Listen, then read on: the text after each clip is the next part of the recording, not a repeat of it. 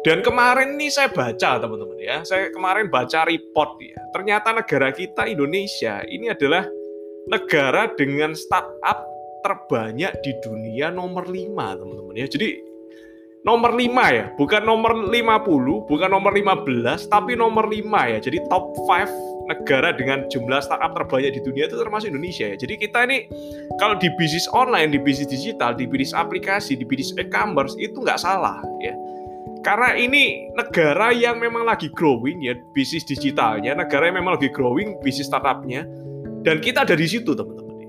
itu yang menarik ya kita ada di situ kita ada di negara yang memang lagi booming boomingnya tren-trennya industri startup ya dan jangan khawatir ya teman-teman yang ada di sini wah ketika yang lain udah udah mulai maju ya mulai besar membesar nah kita yang kecil-kecil ini tinggal ikut arus saja ya. Kita yang kecil-kecil ini yang penting teman-teman kreatif ya. Teman-teman kreatif bisa melihat yang namanya kesempatan, bisa melihat yang namanya peluang ya. Contohnya adalah kesempatan ini ya, peluang ini, opportunity ini ini.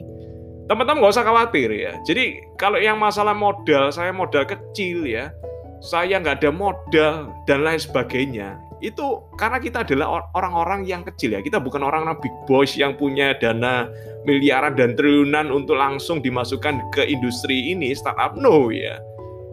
Kita ada di negara yang bagus, kita ada di tren yang bagus, dan kita tinggal ambil, melihat, dan mengambil peluangnya ya. Sesimpel itu teman-teman. Dan setelah teman-teman mengambil yang namanya keputusan ya, kata mentor saya ya, mentor saya pernah bilang, saya ingat dan saya catat teman-teman ya ini juga teman-teman bisa juga ya sesi saya ya hari ini today ya. Mungkin kalau teman-teman wah ini saya Pak Roy bahas tentang A, Pak Roy bahas tentang B, Pak Roy bahas tentang C.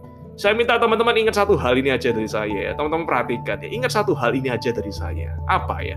Mentor saya pernah bilang teman-teman ya. Kalau kita sudah mengambil keputusan ya, kalau kita sudah mengambil keputusan, kita udah ngambil yang namanya decision ya, keputusan apa pun konsekuensinya, ya, apa pun konsekuensinya, apa pun nanti yang terjadi, apa pun dampak bagi kehidupan kita, apa pun dampak bagi bisnis kita, apa pun dampak bagi waktu kita, kita harus bertanggung jawab. Ya. Saya ulangi lagi, ya, saya ulangi lagi.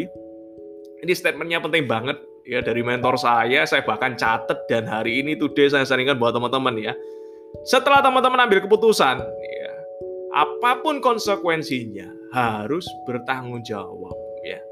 Sampai dengan selesai ya, sampai dengan finish ya. Orang-orang yang dibayar mahal, orang-orang yang berhasil, orang-orang yang income-nya tertinggi ya di industri mana pun, di bisnis mana pun, di organisasi mana pun, di perusahaan mana pun adalah orang-orang yang bertanggung jawab pada keputusan dia. Dia selesai ini. Jadi teman-teman ketika ambil keputusannya today, jangan lupa kata-kata saya selesaikan till finish sampai dengan selesai ya. Konsekuensinya apa pun jalani ya. Ketika ada nanti problem ya. Ketika ada nanti penolakan ketika ada nanti wah ini butuh waktu yang banyak ya. Saya harus ngatur waktu saya harus efisiensi waktu saya.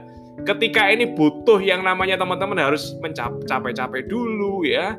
Lelah-lelah dulu. Ingat kata-kata saya ya, itu keputusan yang teman-teman ambil dan selesaikan. Finish ya. Kalau teman-teman nggak finish, teman-teman nggak akan dapat yang namanya income. Teman-teman nggak akan dapat yang namanya reward besar-besaran ya. Karena itulah reward, kesempatan, peluang, bonus, income terbesar, income tertinggi, bonus tertinggi, bonus terbesar itu hanya diberikan oleh orang-orang yang menyelesaikan perjalanannya, teman-teman ya. Dan itu yang ingin saya sharingkan buat teman-teman today. Ya.